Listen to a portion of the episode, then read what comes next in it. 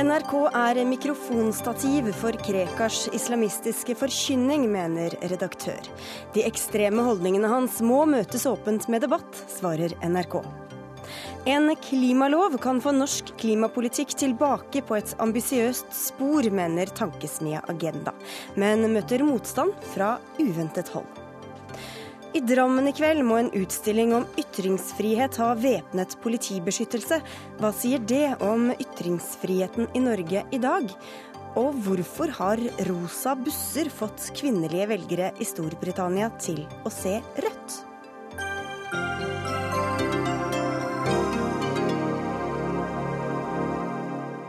Vel møtt til eh, ukas siste Dagsnytt 18 i NRK P2 og NRK2, hvor vi også skal eh, smake på siste sesong av House of Cards. Mitt navn er Sigrid Solund. Politiet vil varetektsfengsle mulla Krekar i fire uker. Det kom fram på fengslingsmøtet i Oslo tingrett i dag. Bakgrunnen er Krekars trusler mot en kurder som han tidligere er dømt for å ha truet, samtidig med truslene mot eh, Erna Solberg. De nye truslene kom fram i et intervju gitt til NRK denne uka. Politiet varsler også at siktelsen kan bli utvidet. Lars Gule, du er terrorforsker ved Høgskolen i Oslo. Du fulgte denne saken i retten i dag. Hva var det politiet la vekt på? Ekstremismeforsker. Politi eh, politiet la vekt på at dette er en ny og farlig trussel. Eh, det er ikke bare en gjentagelse, men det er en trussel mot en navngitt eh, person. Eh, som for øvrig jo da også har anmeldt eh, trusselen som ble framsatt på kurdisk TV for noen dager siden. Og politiet mener jo også at bakteppet, de helt konkrete referansene som mulla Krekar gjør til det som skjedde i Frankrike, gjør denne trusselen mer alvorlig. Krekar var jo også selv til stede i dag. Hvordan framsto virket han da? Nei, som vanlig. Det vil si, han eh, opptrer eh, saklig, rolig, verdig. Han er eh, veldig nøye med sitt image som en som kan håndtere denne typen både anklager og forfølgelse, som han ser det. Nå er det ikke lenge siden angrepene i København eller i Paris. Hvordan tolker du uttalelsene han setter i lys av disse, disse hendelsene? Det er det som gjør dette ganske opplagt uh, alvorlig. Uh, det var alvorlig da han framsatte disse truslene i 2011 og 2012 og ble dømt for dem. Det at han nå knytter disse truslene mot den som vanhelliger Koranen, krenker islam og fornærmer profeten, uh, til en applaudering av noen som nettopp har myrdet eh, for å hevne eller straffe en slik eh, karikaturkrenkelse, Charlie Hebdo-redaksjonen, det viser jo at han knytter dette sammen med det større bildet, hvor mange har uttalt seg om at muslimer ikke skal finne seg i, må hevne, må ta igjen. Og Dermed så blir mulla Krekars eh, uttalelser De går inn i mot dette bakteppet, og, der, og, og, derfor øker også muligheten for at noen kan komme til å reagere. Ikke nødvendigvis en fanatisk tilhenger av mulla Krekar, det har jeg ikke noen tro på, men rett og slett fordi det finnes enkelte labile muslimer der ute som leter etter en unnskyldning som kan komme til å kopiere, slik som vi så at det som skjedde i København, var et forsøk på å kopiere det som skjedde i Paris. Og med slike tilskyndelser som, eh, som mulla Krekar da har gitt uttrykk for, så kan det kanskje også skje i Norge. Men hva tror du da at Krekar selv håper å oppnå ved å komme med sånne uttalelser? Oppmerksomhet. Og eh, i lys av eh, neste innslag her i Dagsnytt 18, så er det bare å si at eh, NRK har klart å løfte mulla Krekar ut av den noe marginale posisjonen han hadde etter å ha vært isolert i fengsel i nær tre år, og rett tilbake på hovedscenen. Det er viktig for mulla Krekar fordi det er gjennom medieoppmerksomhet han kan gjøre et forsøk på å bygge opp sin autoritet og sin legitimitet. Og via en slik autoritet og legitimitet aktivitet, så kan han håpe å få innflytelse, først og fremst i Kurdistan, men også i deler av det eksilkurdiske miljøet ellers i Europa og Norge. Vi skal ikke foregripe begivenheten her, men ut fra det du sier, så høres det ut som man uh, i utgangspunktet har en nokså marginal stilling. Ja, altså det er veldig vanskelig å vurdere, men vi ser allerede nå en type kjendiseffekt omkring han. Han ser ut til å ha blitt godt mottatt i flere moskeer hvor han nå har vært eh, på fredagsbønn etter at han ble løslatt fra fengsel. Det kan også være bekymringsfullt. Ikke fordi de som da er ivrige etter å applaudere at han kommer til deres moské, er liksom 100% enig med mulla Krekar, men de får sympati for han. Og det er et problem, for i neste omgang så kan de også få sympati for ideene hans. Og Det er altså forventet at tingrettens kjennelse om varetektsfengsling kommer i kveld. Takk skal du ha i denne omgang, eh, Lars Gule.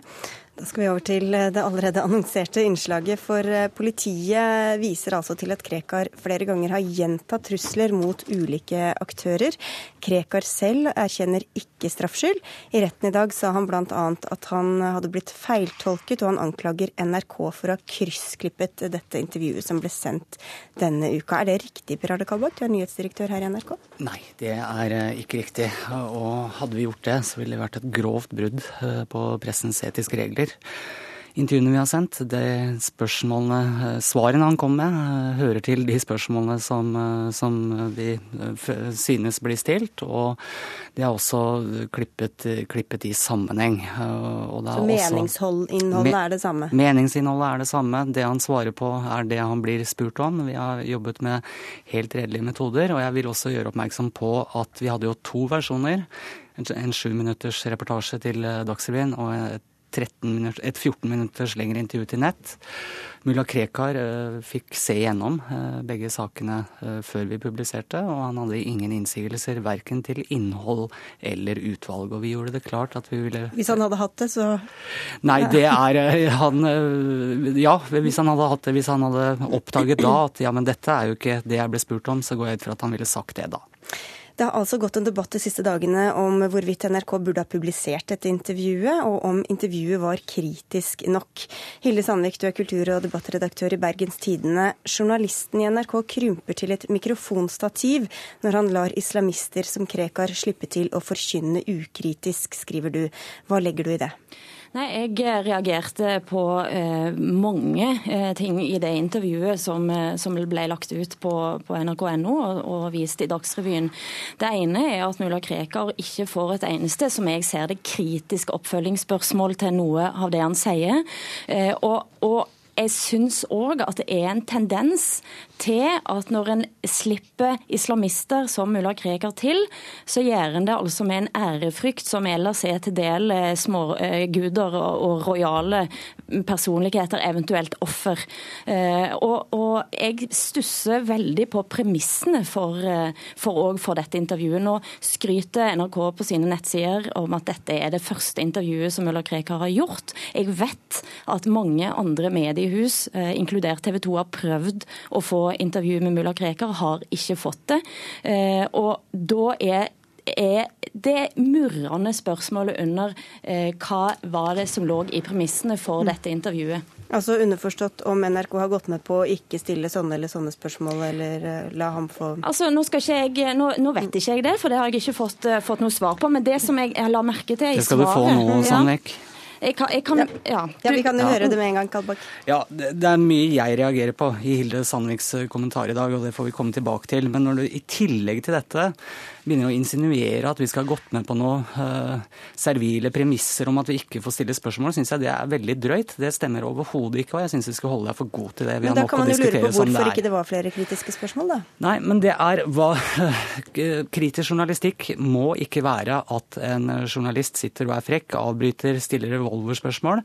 Og det er dessuten en krevende øvelse når man snakker gjennom en tolk. Men formålet med dette intervjuet var å snakke med en mann som har sittet to år, tre måneder i fengsel for trusler. Han regnes med en fare for rikets sikkerhet av myndighetene, som vil tvangsflytte ham fra det sentrale Østlandet. Pga. hans holdninger, som de mener eh, kan skape, kan skape inspirere ekstremister til eh, terrorhandlinger. Da mener jeg det er journalistisk høyinteressant å faktisk spørre hva slags holdninger denne personen har etter at, har, etter at han har sonet sin straff for disse truslene. Og Gjennom det intervjuet, gjennom aktive oppfølgingsspørsmål, eh, så får vi klarlagt hva slags holdninger han faktisk har. Og så sender vi et sjuminuttersintervju som følges opp med omtrent like lang tid med kritikk, med motstemmer, med motstand til hans holdninger. Det er journalistikk, og det er kritisk journalistikk. Og jeg syns at, eh, at Sandvik har et fryktelig snevert, eh, snever tolkning av kritisk journalistikk, og hun, en, og hun ser helt bort fra konteksten med at mannen faktisk har sittet inne for trusler og regnes som en fare for rikets sikkerhet. Og hva han mener etter det, er faktisk et vesentlig poeng. Hva slags spørsmål var det du savnet da, Hilde Sandvik? Nei, Det er veldig mange spørsmål underveis som en, en får lyst til å, å stille. Um, og Noe av det er, som jeg reagerer på, er at en har en tendens til Dette var ikke, altså NRK er ikke alene. Aftenposten TV har gjort det samme med islam.net f.eks. Uh, at en får altså mulighet til å bruke de store mediene som en talerstol for en forkynnelse, en teologisk forkynnelse, eh, ut eh, til mange i en veldig kraftfull kanal. Men mener du at han ikke skulle blitt intervjuet i det hele tatt? Jeg syns selvsagt som NRK og som alle andre store medier at det er interessant. Mulla Krekaren er en interessant skikkelse. Eh, men når jeg ser at når jeg hører både Per Arne Kalbakk si det han sier nå, jeg har sett eh, debattredaktør Kyren Akkim tidligere i dag har skrevet at eh, det var ikke noe formål å stille undersøkende spørsmål. Jo. Nei, det var ikke, det, altså det intervjuet Ikke konfronterende ikke, spørsmål. Ikke konf og, og, da, og da er spørsmålet hva er forskjellen på det da NRK gjør her, og de YouTube-kanalene som finnes eh, der, der mulla Krekar og andre hans like sprer sine, til, eh, sin, sin, forkynnelse. Så bare for å gjøre det helt klart, så mener du at det kan være interessant å publisere et intervju med ham, men da må, må, det gjøres på en annen måte enn det NRK gjorde i dette altså, tilfellet? Jeg, jeg har til gode å se at det er noen andre intervjuobjekter med unntak av offer, og eventuelt kongelige, der en, der en på et vis ikke på noe tidspunkt stopper opp og sier, men altså, altså kommer med, med de motargumentene, motspørsmålene som finnes der. Og Det handler ikke om å, om å stille frekke, eller komme med frekke avbrytelser. Nei, men det fins flere måter å gjøre det på. Og forskjellen på NRK og YouTube-kanaler med ekstremt islamistisk innhold, er at vi har brukt sikkert fire, fem, seks ganger så mye tid på motstemmer, på debatt. Dette, dette, er, dette, er, et intervju som har valgt, vakt voldsom oppsikt.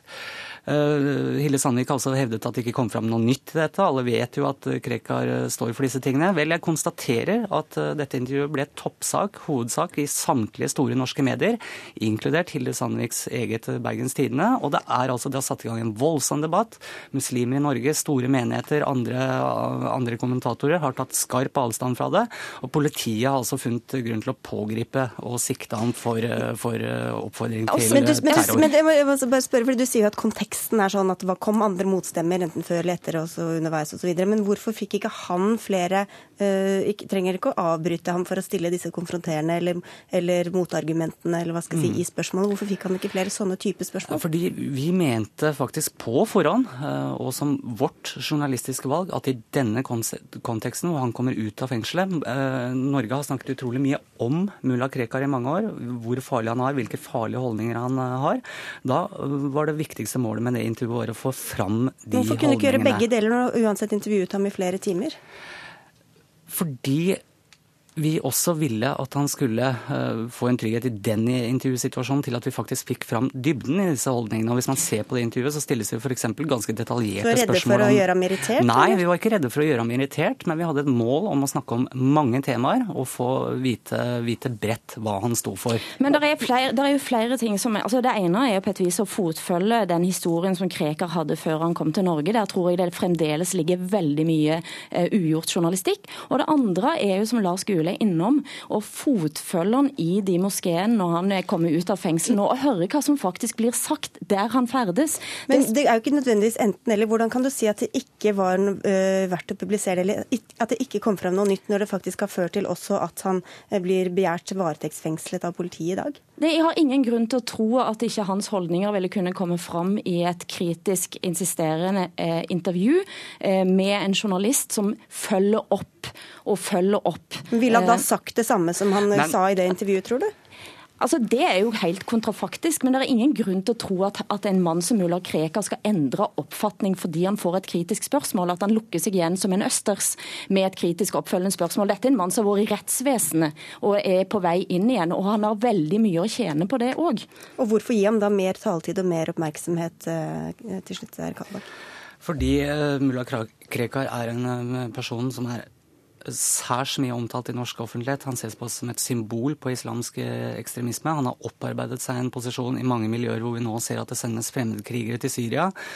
Områder hvor vi for øvrig er og leter i disse sporene. Og jeg er selvfølgelig helt enig med Sandvik at også disse sakene må vi og Bergens Tidende og Aftenposten og andre jobbe med. Eh, men det er rett og slett en jeg vil si en voldsomt eh, stor nyhetsverdi å finne ut hvor han faktisk står i disse spørsmålene. Bakgrunnen for at myndighetene behandler han som de gjør. Og så skal vi følge opp med all den kritiske journalistikken vi kan i ettertid, som vi også har gjort. Og så håper jeg at en slipper mer islamistisk forkynnelse gjennom NRK. Og ble, ble OK. Vi får si tusen takk til dere to. Vi fikk akkurat beskjed om at Oslo tingrett har gitt politiet medhold i kravet om å varetektsfengsle mulla Krekar i fire uker. Takk skal dere ha, Per Arne Kalbakk og Hilde Sandvik.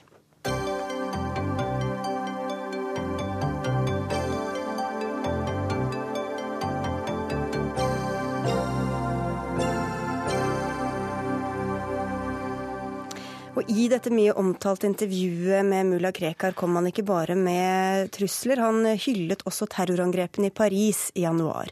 Da ble elleve mennesker drept i lokalene til satiremagasinet Charlie Hebdo. I dag åpnet karikaturutstillingen I Am Charlie i Drammen.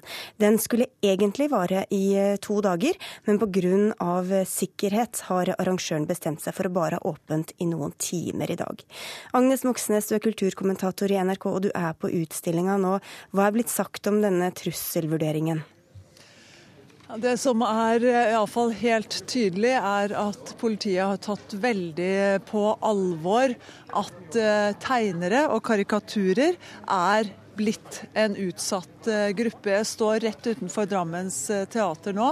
Og det som for noen dager siden ville sett ut som en teaterforestilling, det er det harde fakta i dag. Det er politi på taket rundt omkring her, det er sikkerhetssluser for å slippe inn, det er politi inne, ute, overalt. Og helikopteret har surret over Drammen i, i dag. Hva sier arrangøren om at en utstilling om ytringsfrihet blir altså da begrensa på denne måten? Nei, Det er jo selvfølgelig svært uh, urovekkende, men altså, det er todelte i synet sitt på dette her. På den ene siden så er det folk Eh, eh, karikaturtegnere som har kommet fra hele verden, som har sterke historier å fortelle, som har kommet hit til Drammen i dag. Det er redaktører som har publisert karikaturtegninger, og som helt sikkert opplever at det gir dem sikkerhet og støtte at politiet er her. Men samtidig så er det klart at det gjør kanskje også at en god del mennesker holder seg unna denne utstillingen, fordi at de føler eh, redsel og angst for hva som kan, kan skje i kjølvannet av den. Og Hva kan du si om selve utstillinga, da? Det er jo en solidaritetsutstilling, dette her, som er kommet til etter etter eh, attentatet mot eh, Charlie Hebdo i begynnelsen av januar i, i Paris. Det er tegninger som er sendt inn fra hele verden. Karikaturtegninger eh, fra øst og vest, nord og syd. 60-70 tegninger som alle sammen setter to styrker opp mot hverandre. Det ene er våpenet, og det andre er pennen og blyanten. Mm, og så skal det være en debatt i kveld. Hva skal diskuteres da? Ja, Da skal jo akkurat disse spørsmålene diskuteres. Det er både kunstkritikere, det er Vebjørn Selbekk, den kjente redaktøren som trykket karikaturtegninger, og det er eh, karikaturtegnere selv. Og da er det, det er jo nettopp altså, rammeverket rundt eh, eh denne utstillingen bl.a. som jo helt opplagt blir tema, fordi Norge har aldri sett noe lignende som dette her. Tusen takk skal du ha, kulturkommentator NRK Agnes Moxnes.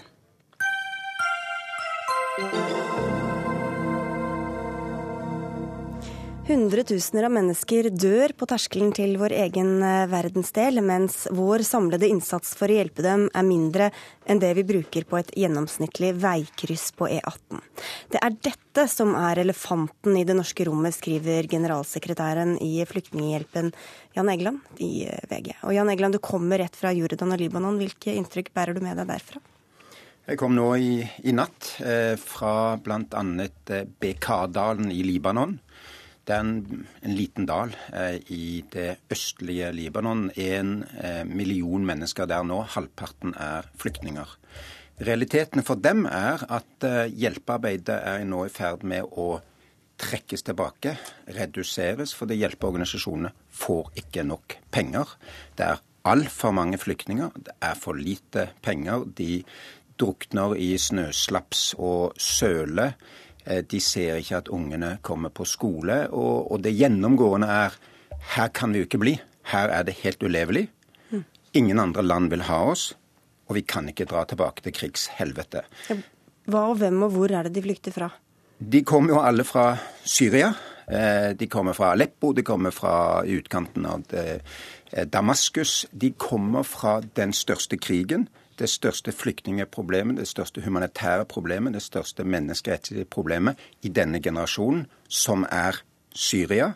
Og det som altså opprører oss som er hjelpearbeidere, er at verden er liksom litt sånn halv, i halvsøvne, eh, bare registrerer antallet døde.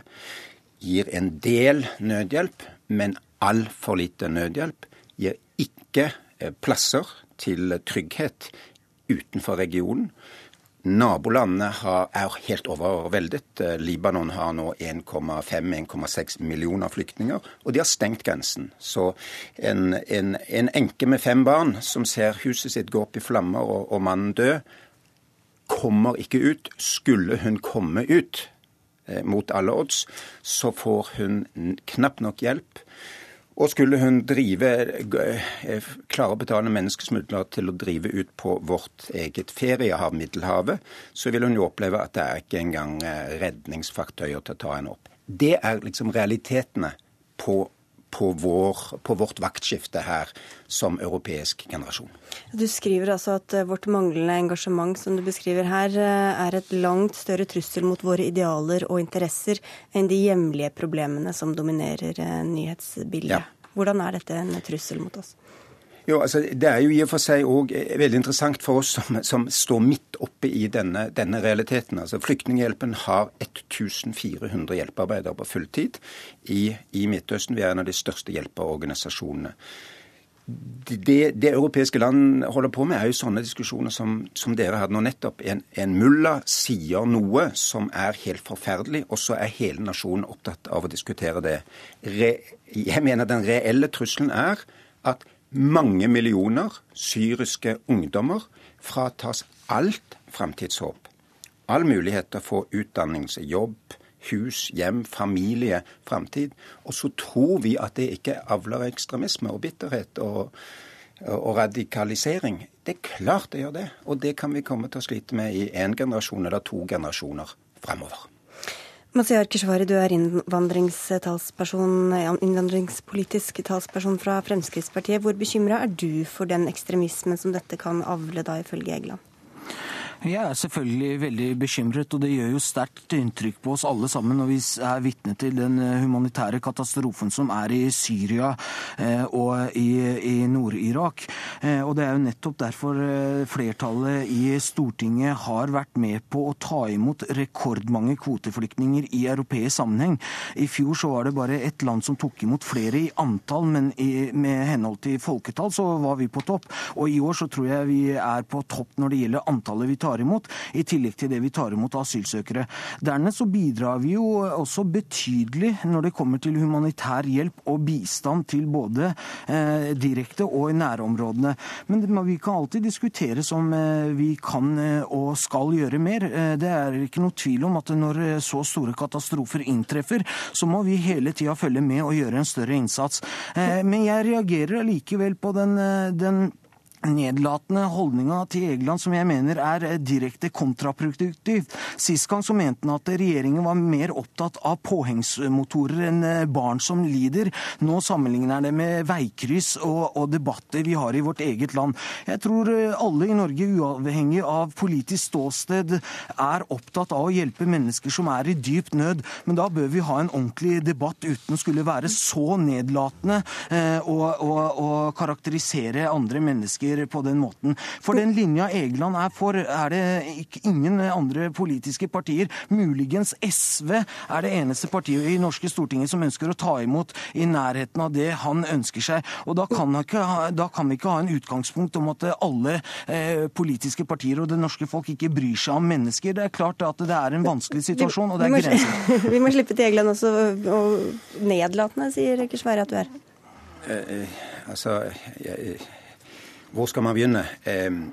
Jeg tror at du, Keshvari, nettopp er eksempel på denne her eh, elefanten i rommet. Altså det, eh, det, jeg gir deg rett i at det er land som er dårligere enn Norge. Det er land som gjør ingenting.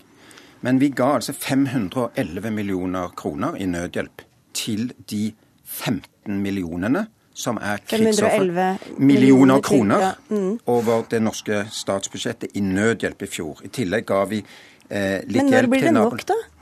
Eh, jeg vil tro det er nok da, når folk får eh, mat, husvære, skole Altså alle blir dekket av nødhjelp. Eh, det var det, den appellen vi ga ut som hjelpeorganisasjoner alt i alt. Alle hjelpeorganisasjonene var, på, var nå på 8,5 milliarder dollar. Altså en, en 50 milliarder kroner er vel det som er satt på som som, eh, som den tota-, totale eh, behovene. Og under halvparten var det som ble bevilget. Men, men, du sammenligner jo eh, Du kom jo rett derfra og har ja. sikkert uh, sett grusomme ting. Men det å sammenligne uh, det med veikryss eller uh, andre ting som Altså alt blir jo smått i sammenheng med det som er den nøden der nede. Selv en norsk ja, men, kreftpasient men vil jo ha det verre enn det du har der. Po, poenget når, er jo hvor, hvor, konstruktiv er en sånn sammenligning? Ja, men, altså, i din, i din, tid som journalist så har du, du har ikke hatt en større internasjonal krise målt i antallet menneskeliv som er på spill. Keshvaris tid som politiker, det har aldri vært en større krise. Altså det tror jeg vi kan, Hvis vi er enige at et menneskeliv er like mye verdt om det er i Syria som om det er på, på Balkan eller i Sri Lanka eller i Norge for den del, så, så er dette det største vi har i vår tid. Og da er det gåtefullt at alle sier at det er så ille. Keshvari begynte med det òg. Det er jo så forferdelig ille. Og så, så ser jeg at det, vi har gitt 511 millioner, og da prøvde jeg å finne et bilde. Det er en veikryss. Mm. Det er, eller det er en, det er en eh, hundredel av det norske, er det vel. En 50 eller en hundredel av den norske julehandelen. Og da er det jo helt opplagt vi handler ikke i samsvar med utfordringen. Ja, hvordan står dette i samme samsvar, Keshvari? Vi har gitt eh, over en eh, milliard eh, kroner når det kommer til den konflikten her, og så går ting i ulike poster. Og som jeg startet med innledningsvis, vi både kan og skal gjøre mer for de menneskene Men hvorfor gjør vi ikke betraktelig mye mer når situasjonen er så prekær? Vi, vi, gjør betraktelig mye mer enn alle andre land vi kan sammenligne oss med i Europa. Vi tar imot 1500 kvoteflyktninger fra Men FN ber oss om å ta, ta imot enda flere. Hvorfor følger vi ikke de anbefalingene fra FN? For, fordi at vi er i en situasjon der eh, vi har mennesker som har fått flyktningstatus, altså opphold, eh, fått godkjent asylsøknaden sin, som fortsatt befinner seg på asylmottak. 5500 mennesker. Og, og når det kommer kvoteflyktninger, så går de foran der. Vi er i en situasjon der vi har store utfordringer med å bosette de som allerede er her. Og vi kan ikke sammenligne oss med land som har flyktningmottak som går på at man gjerder inn store landområder, setter opp noe telt med minimale sanitære forhold. Da må vi jo se på hvordan flyktningspolitikken og situasjonen i Norge og europeiske land er. Realiteten er at flyktninger som kommer til Norge, har alle rettigheter som alle andre borgere men, i men, Norge. Nå trodde jeg vi snakket om og da, Keshvari. Og da kan vi ikke bare ta imot ubegrenset med antall mennesker. Ok, Men nødhjelp dit, hvorfor kan vi ikke plusse på, gange det med ti hvis det er det som trengs akkurat nå? For, fordi at det er, det er, alltid en oppveiing over hvor mye et land kan bidra med. Det, det er jo ikke en magisk grense. Men hvorfor er det ikke, da, hvorfor er det ikke unnskyld at jeg avbryter, men hvorfor er det ikke relevant å sammenligne med f.eks. taxfree eller veikryss eller hva som helst? Som, det er jo snakk om de samme pengene som skal gå enten dit eller dit. Ja, det, det, blir jo, det, blir jo, veldig underlig. Da skal vi legge ned Norge fordi at det er internasjonale katastrofer og skal bruke hele summen. Det, det er det ingen som foreslår det. Det er derfor jeg sier det blir banalt. Det blir, eh, jeg blir oppriktig trist, og jeg syns det er kontraproduktivt å drive med eh, den type sammenligninger. Det er mange ting man kan sette opp mot hverandre, og så må man komme til en helhet. Og, og den bistandspolitikken som har vært i, i Norge, det som går på nødhjelpssiden av det, det har jo vært stor stor enighet uavhengig av regjeringer når det har kommet til enten tsunamier, jordskjelv eller eh, krigskatastrofer. Det er faktisk enighet i det norske folk om at vi skal bidra når, når andre mennesker forgår i titusentall. Realitetene er at vi ga 40 kroner til hver nødstedt I fjor vi ga 11 øre dagen. Det er ikke mulig å redde disse livene. Og vi kan vel være enige og være enige om å være uenige om hvor mange som burde tas til Norge. Men jeg trodde det var enighet om at vi skulle iallfall gi litt håp der nede i, i området. Og der gjør vi altså veldig lite. 511 millioner kroner i nødhjelp er jo nesten ingenting i forhold til 15 millioner mennesker. Si at det, det er mye, og kanskje kommer det også mer kanskje ikke svar i to sekunder på slutten. Nei, altså, det, Vi er ikke fremmed for å se om vi kan redusere andre delen av bistandspengene og heller øke nødhjelpbistanden. Men det er jo en politisk diskusjon som går. Det handler ikke om at vi ikke bryr oss om mennesker som er i nød. Det syns jeg er en urimelig ting å si. Vi må dessverre avslutte der. Tusen takk skal dere ha begge to. Masiar Keshvari fra Fremskrittspartiet og Jan Egeland fra Flyktninghjelpen. Fikk jeg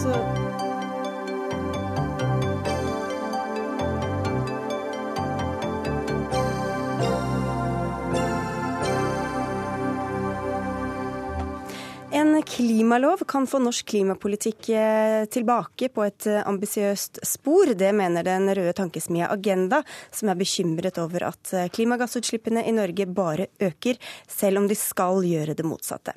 Helga Rognstad, du er rådgiver i tankesmien Agenda. Hvordan skal en klimalov få utslippsbilene til å peke nedover? Altså, vi tenker at en klimalov i, først og fremst kan bidra, til å forplikte politikerne til å nå de målene man har satt seg for klimapolitikken. Vi har hatt brede klimaforlik eh, på Stortinget. Hvor man har satt seg mål for eh, 2030, 2020, og nå skal man ha mål sammen med EU for 2030. Men vi har ikke sett resultatene. Klimagassutslippene har gått opp. En klimalov kan bidra til å forplikte i større grad til at de målene faktisk blir nådd. Og Hva skal en sånn lov inneholde? Altså I Storbritannia, som er det første landet som har hatt en sånn lov, og som har hatt gode erfaringer med den loven, så har man hatt eh, Man har lovfesta utslippsmålet. Og så har man i tillegg hatt karbonbudsjetter. altså Man har hatt femårige budsjetter for hvor, for hvor, mye utslipp man skal fordele på forskjellige sektorer. Som også bidrar til at man da fordeler ansvaret i mye større grad og har liksom delmål på veien mot det store målet. Det er ikke bare Agenda, men også mange i miljøbevegelsen. Det er flere politiske partier og andre klimaengasjerte som etterlyser en klimalov, men ikke du, Kari Elisabeth Kaski. Du kommer altså fra jobben som nestleder i Zero og skal bli partisekretær i SV. Nå er du et slags menig menneske en stakket stund. Hvorfor er du mot klimalov? Jeg er innstilt som, som partisekretær i ja, SVs landsmøte skal få bestemme det. Ja. Um, nei, det jeg er bekymra for i debatten rundt klimalov, er at for det første en klimalov vil kunne bidra til å rettsliggjøre klimapolitikken og fjerne det ytterligere fra folk flest. Klimapolitikken i Norge og klimadebatten er utrolig komplisert, og de færreste greier å henge med. Og hele tida så diskuterer vi denne type virkemidler og ulike typer ordninger for å få økte forpliktelser i norsk klimapolitikk, istedenfor å diskutere det som det faktisk handler om. Skal vi la oljeindustrien få lov til å fortsette som før? Skal vi satse på elbiler framover også? Skal vi la oljefondet investere i fornybar energi? Det er de konkrete debattene.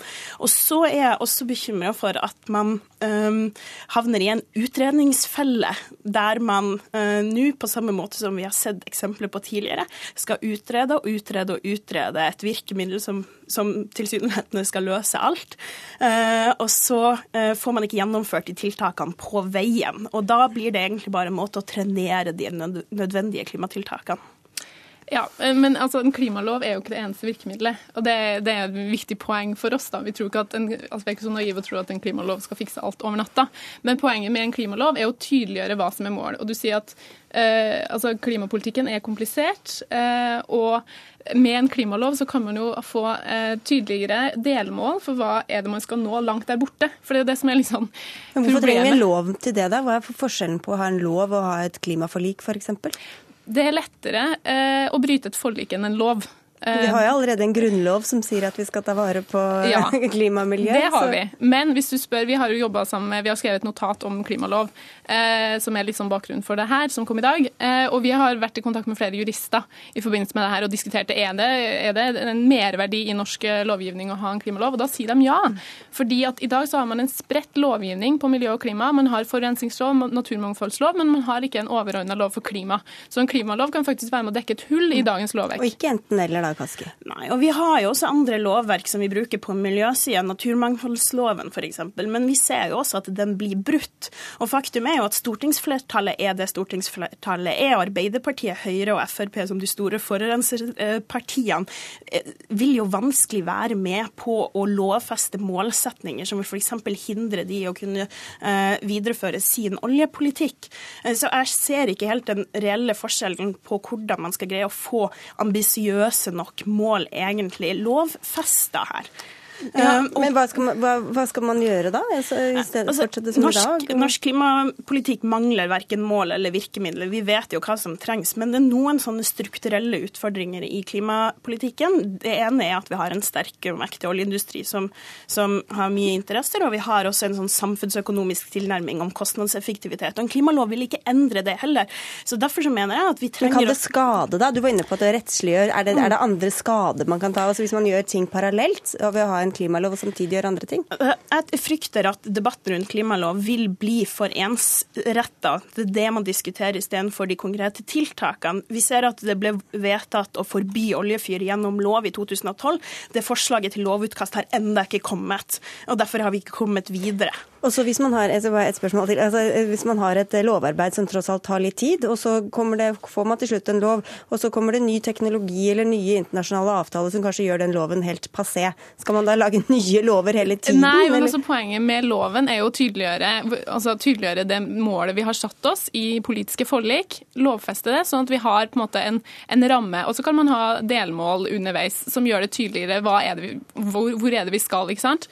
Um, og så um, det, skaper, det er poenget at det skaper en, en forutsigbarhet i større grad for næringsliv uh, på hvordan vi skal nå de klimamålene.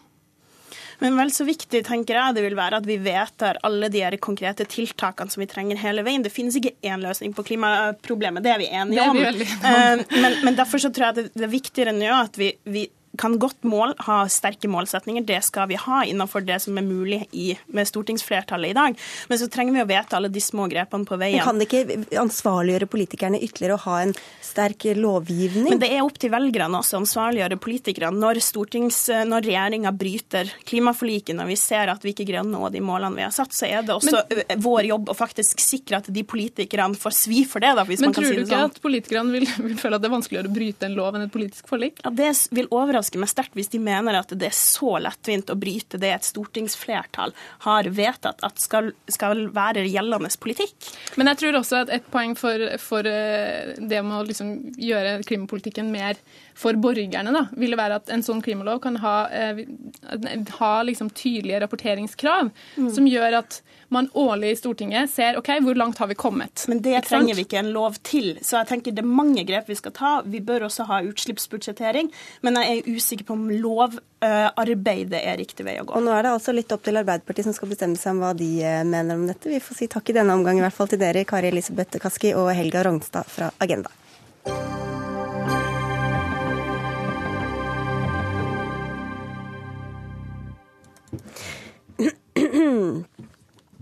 Nå om kulturskoler her i eh, Dagsnytt 18. De er ment å være et eh, tilbud til eh, alle barn og unge som vil lære et instrument, drive med dans, teater eller annen kultur. Kulturskolene er eid og drevet av kommunene, og det som altså før het Musikkskolen, har vært et lovfestet tilbud siden 1997. Men nå er blitt, eh, kulturskolen blitt en eliteinstitusjon for de som har råd til det, sier du til Klassekampen. Torgeir Knag Fylkesnes, du sitter i kirke-, utdannings- og forskningskomiteen for SV. Hvorfor Hvorfor er det blitt det? Vi har sett de siste årene at eh, prisen for å gå på kulturskole har økt eh, kolossalt. Eh, bare siden 2009 så har den økt med 25 og jeg så nettopp på tall eh, som viste hvordan dette har påvirka eh, hvor mange som går der. Og det er det 8000 færre eh, elever som går der. Så nå er vi helt nede i 102 000 som går på disse eh, kulturskolene. Hva er det man får eh, for oss som ikke har gått eller har barn som har gått på det? Hva er det man egentlig får, og hvor mye betaler man for det? Eh, det er veldig variert tilbud. Det vanligste er jo musikk. Der er 70% av de som går der, tar forskjellige kurs på musikk. Men også dans. Det kan være skapende skriving. Det kan være nysirkel sirkus. Eh, mange forskjellige former for å uttrykke seg eh, og finne seg sjøl, eh, utforske estetiske fag på ulike måter. Så det at det nå det at det bør bli dyrere og dyrere, f.eks. i Bærum kommune så er det helt opp i 6000 kroner i året for å gå på kulturskole, og prisene øker langt mer enn prisutviklinga i samfunnet, det fører til at dette blir noe for de aller rikeste. Kristin Vinje fra Høyre, du sitter i samme komité. Hvordan kan det være et tilbud for massene når det kan koste flere tusen kroner i året? Eh, kulturskolen har ikke økt så mye som det Fylkesnes eh, sier i pris. for Hvis du ser på statistikken, så er det en økning, det er riktig. Men det er ikke en økning eh, som, som, kan forklare at det varierer i hvem som går der. For det har vært en variasjon. Det går ca. 100 000 barn i kulturskolen. Det har variert mellom 100 og 110 000 de siste 10-12 årene. Sånn at Den eh, statistikken han viser til, den kjenner ikke jeg igjen i det hele tatt. Det har vært en økning siden 2009 som han refererer til, men ikke så formidabel som det han påstår. Men Hva vet vi om hvem som benytter seg av dette tilbudet? da? Det er et kommunalt eh, ansvar å drive kulturskoler, sånn at eh, det er veldig varierende hva de tilbyr i de ulike kommunene. Og det kommer an på de lokale kreftene. Kulturskolen er noe annet enn skolen, og det skal det være. Det skal være et mangfold, det skal være et tilbud utenfor skolen, og det bygger på å bruke lokale krefter Eh, i de ulike kommunene. og Det er naturligvis veldig stort. Så jeg har lyst til å si at I Oslo kommune så har kulturskoletilbudet økt. Der er det flere barn som bruker det for tiden. Så det varierer veldig fra kommune til kommune. Det høres ut som du overdriver litt, da, Knag Fylkesnes? Ja, Det er ingen, ingen, grunn til å overdrive dette. Dette er en ganske alvorlig situasjon. Eh, I Oslo, grunnen til at det øker der, var pga. det forliket som var mellom KrF og SV og, eh, og byrådet pga. plassering av Munch. Eh, museet. Og Der fikk SV gjennom eh, mer, mer, penger til kulturskole. Men alvoret i dette er jo Det er klart at pris har masse å si for om folk har muligheten til å gå på kulturskole eller ikke. Når det øker med 25% på kort tid, så påvirker det det. Og de folka i kulturskolen som jeg har snakka med, de sier at det er, en, det er en, nesten en flukt nå fra kulturskolen. Men hvorfor kan man ikke heller da subsidiere de som har aller dårligst råd, i stedet for at alle skal få veldig billige tilbud som har råd til å betale betale mer? Ja, Enger-utvalget var jo inne på det. Eh, de kom med en innstilling i 2013. Eh, og Der anbefalte de eh, Stortinget å rett og slett etablere en makspris. For de mente at det var en nær sammenheng mellom prisen og, mange, og, og gjøre dette til et bredt tilbud som hele befolkninga kan benytte seg av. Og De foreslo istedenfor at du har oppi 6000 kroner for å ha, gå på kurs der, at det skulle være en makspris på 2000 kroner. Og Det syns jeg er en ganske interessant tanke, og den kommer vi til å diskutere i SV og eventuelt foreslå. Vi syns det er fint at det er et kommunalt tilbud, fordi at det er kommunene som best kjenner til hva slags kulturtilbud som det er eh, mulig og uh, naturlig å legge til rette for de ulike kommunene. Så vi syns at det skal være et uh, tilbud som kommunene har Men i sin egen kommune. Skal man da ikke legge seg opp i hva det koster? Ikke fra statens hold. Kommunen i Oslo f.eks. så har vi gratis tilbud til enkelte skoler, sånn at der gjør vi en differensiering. Nettopp fordi vi ser det er litt ulikt behov. Så det bør kommunene selv ta stilling til. fordi det er, Vi har så mange kommuner i dette landet. Noen er det 1000 mennesker i, i Oslo er det over 600 000. Så det er utrolig store forskjeller. Og da Hvorfor- handler det om at man setter kommunene i stand til å kunne gi tilbud, og det har regjeringen gjort. Men dere vil øremerke tilbud og bestemme hva det skal koste alt fra statlig hold, eh, og ikke la kommunene få bestemme noen ting selv?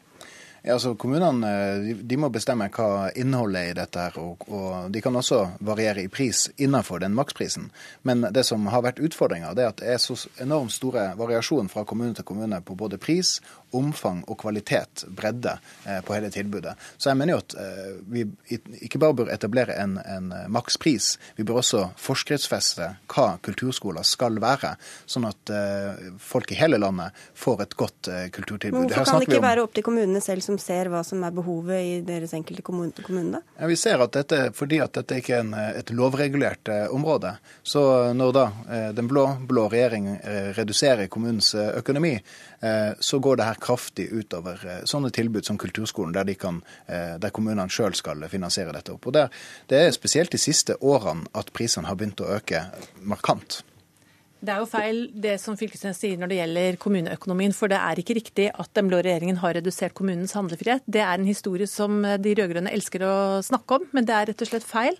Kommuneøkonomien er styrket i 2015. Men Hvis vi ikke gjør dette om til en kommuneøkonomi, hvordan lever du med at noen, altså både at det er så store forskjeller, og at mange da ikke ser seg råd til å sende barna på Det sånne er et uh, alvorlig signal til kommunene. De må sørge for at det blir gode tilbud til barna i kommunen. og Da er det opp til kommunepolitikerne å prioritere å bruke penger på kulturskolen. Og som sagt, i Oslo har vi også gjennom et forlik styrket tilbudet til kulturskolen. Du er valgt inn fra Oslo, det, det, tror jeg ikke- alle Ja, har skjønt nå. Ja, men, jeg har bare men lyst er til det å si at det det liksom er så ulikt at, at det, går, det er jo barna det går utover, da?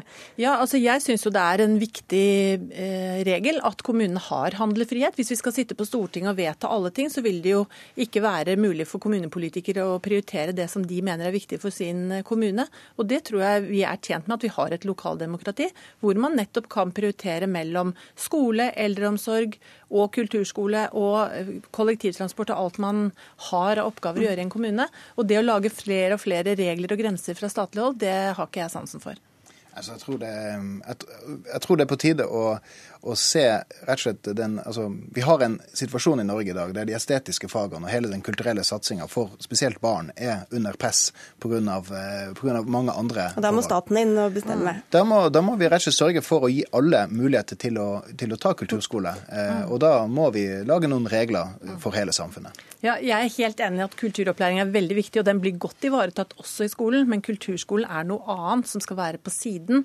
eh, sånn at der er det kommunene som bør kunne eh, prioritere hvordan de bruker pengene. Da tror jeg vi var liksom, hadde runda og var tilbake. Tusen takk skal dere ha for at dere kom, Torgeir Knag Fylkesnes fra SV og Kristin Vinje fra Høyre.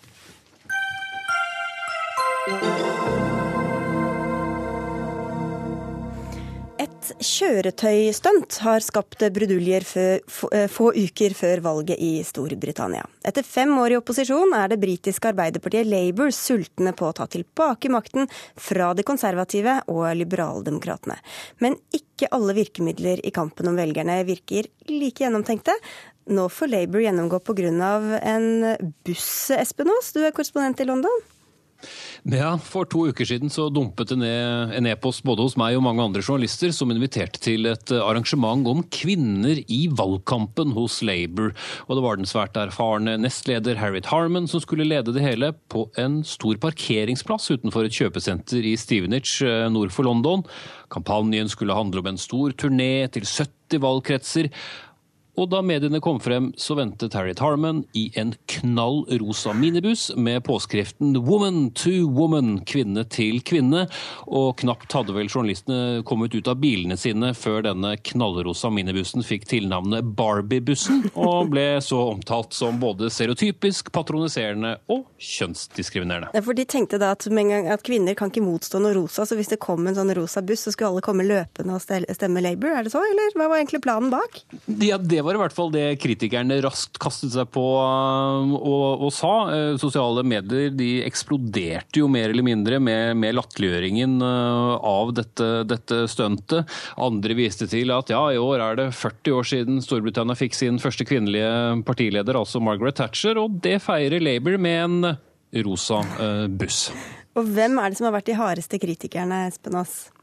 Det har jo uh, selvfølgelig vært mye latterliggjøring blant eh, komikere og andre politikere, men mange feminister og andre som jobber for kvinners rettigheter i arbeidslivet, sier jo at de er skuffet, og at de blir fremstilt som uh, hjerneløse barbier som kommer løpende med en gang det endelig kommer en rosa minibuss til byen, og at dette var veldig lite gjennomtenkt og helt feil måte. Fordi det er faktisk et problem når det gjelder kvinner i politikken i dette landet. Av de 650 plassene som er i Underhuset, så er det bare bare 148 hvor det sitter kvinner. Og dette landet styres i stor grad av menn, godt eh, voksne menn. Og det er et eh, demokratisk eh, problem, det mener mange. Men om dette hjalp så mye, vel. Men hva har Labour selv svart på kritikken, da? Det også begynte jo veldig dårlig. Eh, det første argumentet til Harriet Harman var at dette var ikke noen rosa buss, det var en, den var magentafarget. Eh, og det hjalp jo ingenting. Fram med fargekartet. Ja. ja, ja. Eh, så har de fortsatt å vise til at poenget er ikke fargen på bussen, men at dette er et parti med høy troverdighet i, i kvinnepolitikk. Dette er partiet med flest kvinnelige medlemmer i, i Underhuset. Og de sier vel nå at nå har de fått så mye oppmerksomhet rundt den bussen at ingen tviler vel på hvilket parti det er som er mest interessert i å jobbe for eh, kvinner. Men det har vel knapt gått en dag eh, i disse siste 14 dagene hvor ikke det har vært en eller annen vitsetegning om eh, den knallrosa bussen. Og så kan det vel hende også at regjeringspartiene har prøvd å utnytte disse bussene, eller nå gjetter jeg vilt her? Ja, naturligvis. For det er utrolig tett eh, før valgkampen eh, og valgdagen den 7. mai. Ingen tør å spå noe utfall. Og enhver dag som går med til å forsvare litt vanskelig valg, som rosafargen på en buss, eller ting som ikke handler om valgkampen, koster velgere. Å bli latterliggjort en hel dag som det ble den første dagen, og små drypp etterpå, har ikke vært bra. Det er like stor sjanse for at David Cameron fortsetter som statsminister som at Labour overtar Downing Street nummer ti. Og valget står altså i mai. Tusen takk skal du ha med fra London, Espen Aas.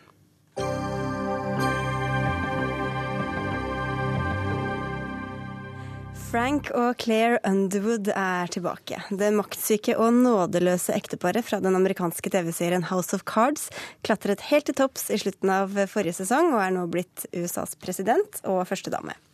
I dag kan ivrige serietittere få med seg tredje sesong på betalingskanalen Netflix. Eller kanal er det vel ikke akkurat, men en tjeneste. Brita Møystad Engseth, du er filmviter, filmkritiker, serieelsker. Hva kan vi vente oss nå i tredje runde? Ja, nå blir jo selvfølgelig fokuset et helt annet, fordi Frank Underwood har jo vært i opposisjon helt frem til nå. Nå har han jo fått all den makten han, han, han lovet seg selv at han skulle få i dette hevngjerrige øyeblikket som var første episode. Uh, så det blir jo en helt annen atmosfære. Nå skal han jo uh, forsvare alt det han har ment at han skal gjøre. Og så får Claire mer tid. Uh, og det er jo grunnen det beste. er jo fordi um, Eh, som Vi kan godt snakke om henne bare som kvinneskikkelse, så kan vi jo si at hun er kanskje noe av det mest spennende som har skjedd på, på TV på veldig, veldig lenge. Um, det er ikke alle som har sett den, men hun er en ganske selvstendig dame og ikke spesielt myk og nei, rund i kantene. Nei, men hun har hele tiden vært hans uh, Altså deres intimiteten dem imellom har vært veldig påfallende. Man tenker at de kan da ikke være så onde begge to, men det er de jo. Uh, men nå får jo hun ambisjoner på egne vegne. Og det blir veldig interessant. Eh, hvordan hun utvikler seg, og skal hun bli hans største fiende. Så, og det er så mange lag her. Eh, altså fra de indre konfliktene i ekteskapet til hans eh, embete, hans administrasjon, og helt opp til hvordan ser hun ut i denne sesongen? Hva har hun på seg? Eh, hvordan er hun på håret? Hun er nesten sånn som deg på håret. Egentlig var du veldig tidlig Altså, ute ja, med jeg din var det. underwear-look. Hun, eh, jeg var først. Ja, hun ringte deg, ikke sant? Ja, Ja, jeg- jeg tenkte meg det. Ja. Eh, nei, så det har vært veldig mye Altså, de legger jo eh, like stor vekt på hvordan serien ser ut, som hva den inneholder. Det er jo det som gjør den så unik og så fabelaktig å både se og nyte. Det er jo noen få av dere som har sett, eh, i hvert fall om ikke hele, så deler av denne sesongen. Sigurd Vik, du anmelder Filmpolitiet her i NRK, og dere ga første sesong seks, andre sesong fem, og nå får eh, tredje og foreløpig siste sesong terningkast fire. Så vi må kanskje ikke løpe og se, eller hvordan er det egentlig? Og jo da, det er absolutt noe å, å se, men uh, i takt med at uh, karrieren til Frank Underwood har gått opp, så, så syns vel jeg at uh, den har mista litt et av sine viktigste kort, da, kanskje, hvis man skal ta metaforen videre, ved at han har kommet inn i Det hvite hus. For det som skjer, er at Washington som uh, figur i denne serien, for det er jo en veldig fin Washington vi ser, den blir litt kjedeligere, syns jeg, når vi mister skitne bakgater og en uh, ribbespisende Frank som, som henger litt med, med, med folket. For nå er det liksom en presidents hverdag vi, vi ser der. Og, og det, den største innvendinga jeg har nå, er jo at det blir litt tammere når uh, Frank ikke får den der rå drivkraften han har for å komme seg oppover karrierestigen med blodige hender, altså opp for enhver pris. For det er jo i, i møte med motstand han møter, og hans brutale måte å fjerne den motstanden på, ofte med uh, usannsynlig heldige konsekvenser, kan jo uh, ta med, som har vært det som virkelig har vært nervene nerven og spenninga. Og den, uh, i hvert fall i starten av sesong tre, har flata litt ut. Hva syns du, Brita Møysteng? Du har vel fått smugkikka litt, du òg? Ja, jeg skulle ønske jeg hadde rukket alt før jeg måtte. Uh, Men eh, nei, jeg, jeg syns ikke det. Eh, Man visste jo med, med en ny sesong at det, det ville bli annerledes. eh, Og det er ikke blitt dårligere. Det er bare annerledes. Det er noe annet. Det er jo det som gjør den så forfriskende, er jo at det, hver sesong bringer noe nytt. Og det å bare sitte med åpent sinn og popkornposen sin og tenke at dette skal jeg se på resten av helgen, man blir så lykkelig. Ja, hva, du, du, men hva er det som eh, Du sa det var eh, eh, ikke så spennende nå, Vik, men du er også litt spent på Claire, altså kona her, eh, i, likhet med studiogjesten her? Jeg er helt enig med Brita at den store gleden i sesong tre, og, og det er absolutt ikke en dårlig sesong, det er Robin Wright som Claire Underwood. Hun får mye bedre plass, og hun gjør en veldig spennende figur. Jeg syns også det ekteskapet har vært mangla litt piff eh, etter at uh, hennes utroskap eh, eh, ble avklart. Det har vært litt dølt, men nå ser det ut til at eh, det begynner å bli bra med, med krydder i sausen der også. Det, det liker vi jo absolutt. Du må ikke røpe for mye nå. Da. Jeg skal ikke røpe for mye. Men, og hun er jo blitt sånn fashion eh, altså statement, eh, Ja. den godeste Claire Underwood. Og Hun har det. ehm, og hun har jo vært veldig dempet eh, i uttrykket. Man, man, altså, det mest fascinerende med henne er at hun er jo både ekstremt feminin og maskulin på samme tid. altså på grensen til å være helt androgyn. Eh, nå har hun jo som førstedame så må hun jo pynte seg litt mer eh, og ha litt flere farger, selv om serien er veldig dempet eh, i fargetonene sine. Så da tok Robin Wright med seg sin personlige stylist. Og så fant de ut hvordan skal hun se ut nå, og så så de en endeløs rekke med gamle John Crawford, Betty Davis-filmer. Og de har ikke kopiert den, men de har funnet den, den myke, harde looken som fattes på, på 40-tallet, som er helt strålende for, for sterke kvinner. Og så ringer man til Ralph Lauren og George Armani, og så sier man du, har du noe? Og så kommer det jo bare dettende inn. Sånn at det eh, det er så lekkert, det er så vakkert og det er så riktig. Eh, Og det er også det å, å gjøre dette uten å ta fra henne styrken hennes, eh, men muligens feminisere henne litt uten å gjøre henne Altså, hun har ikke noe, det er ikke noe tyll. Det er ikke noe Diana-krage, eller det, det skjer ikke, men det er mer en sånn sobert. Ja, veldig. Men, men å, så lekkert. Det er så riktig. jeg vet ikke om du har noen mening om dette, Sigurd Vik, eller om du Eller så har jeg et spørsmål til deg. Altså, disse, det er jo en del skjeletter fra forrige sesongene som lurer i skapet. Er det noen av dem som faller ut i løpet av sesongen? Det er jo det som er så herlig med, med House of Cards, at den laster det skapet aldeles stappfullt, og så gir den ut noen nøkler, sånn at flere personer sitter og kan eh, kanskje få det her til å, å ramle i, i hodet på, på, Frank Underwood og Claire Underwood, og, og det ligger an til at eh, Jeg skulle vel ikke avsløre for mye, skulle jeg da? Men, men, altså, det, det fins uh, tidligere eh, medarbeidere av Frank Underwood kan kanskje skifte litt allianse, kan det se ut som. Og det er folk med den nøkkelen, og da kan det jo um, bli veldig mye gammelt som, som dukker opp igjen. Og jeg vet ikke om presidenten skal prøve å da innføre uh, noe sånn der benådning av tidligere kriminelle handlinger for å unngå å bli uh, satt i klisteret, for han har jo gjort en del jævelskap, så det, det ligger noe der, altså. Det er ikke helt unaturlig å trekke paralleller til Bill og Hillary Clinton heller her, Britannia Stein. Nei, det er jo Nei. Det er jo ikke det. Eh, og Det er derfor det blir veldig spennende å se hva de gjør med Claire videre utover i sesongen. Eh, om de har tenkt å gjøre henne til den grusomme Hillary, eller til den snille Hillary som vi jo egentlig har lyst til å, å se. Eh, men noe av det morsomste er jo at det, dette er jo en såpe. Vi sitter og snakker om en såpe. Det, er, det, er, det, er det, høres ut som vi egentlig snakker om amerikansk politikk, men eh, for alle som kom litt sent inn, så er det altså ikke det. Det er fiksjon. Det er fiksjon. Eh, og det er den Det er eh, det er dynastiet det er Falcon Crest det er alt jeg har vokst opp med, men det er bare mye dyrere og mye smartere og mye morsommere. Og kanskje kommer det en sesong fire, eller? Det må vi jo håpe. Det kommer helt an på hvordan dette ender, da. Så alle som eh, har eh, Netflix, nå får de mye gratisreklame her eh, i Dagsnytt 18, kan se sesongen fra og med i dag, altså. Brita Mestad Engseth, tusen takk for at du var med i Dagsnytt 18. Takk også til deg, Sigurd Vik, for denne sendinga er over for i dag. Vi er tilbake på mandag. Ansvarlig for sendinga var Berit Ytrehus, teknisk ansvarlig Finn Lie, og i studio var Sigrid Elise Solund.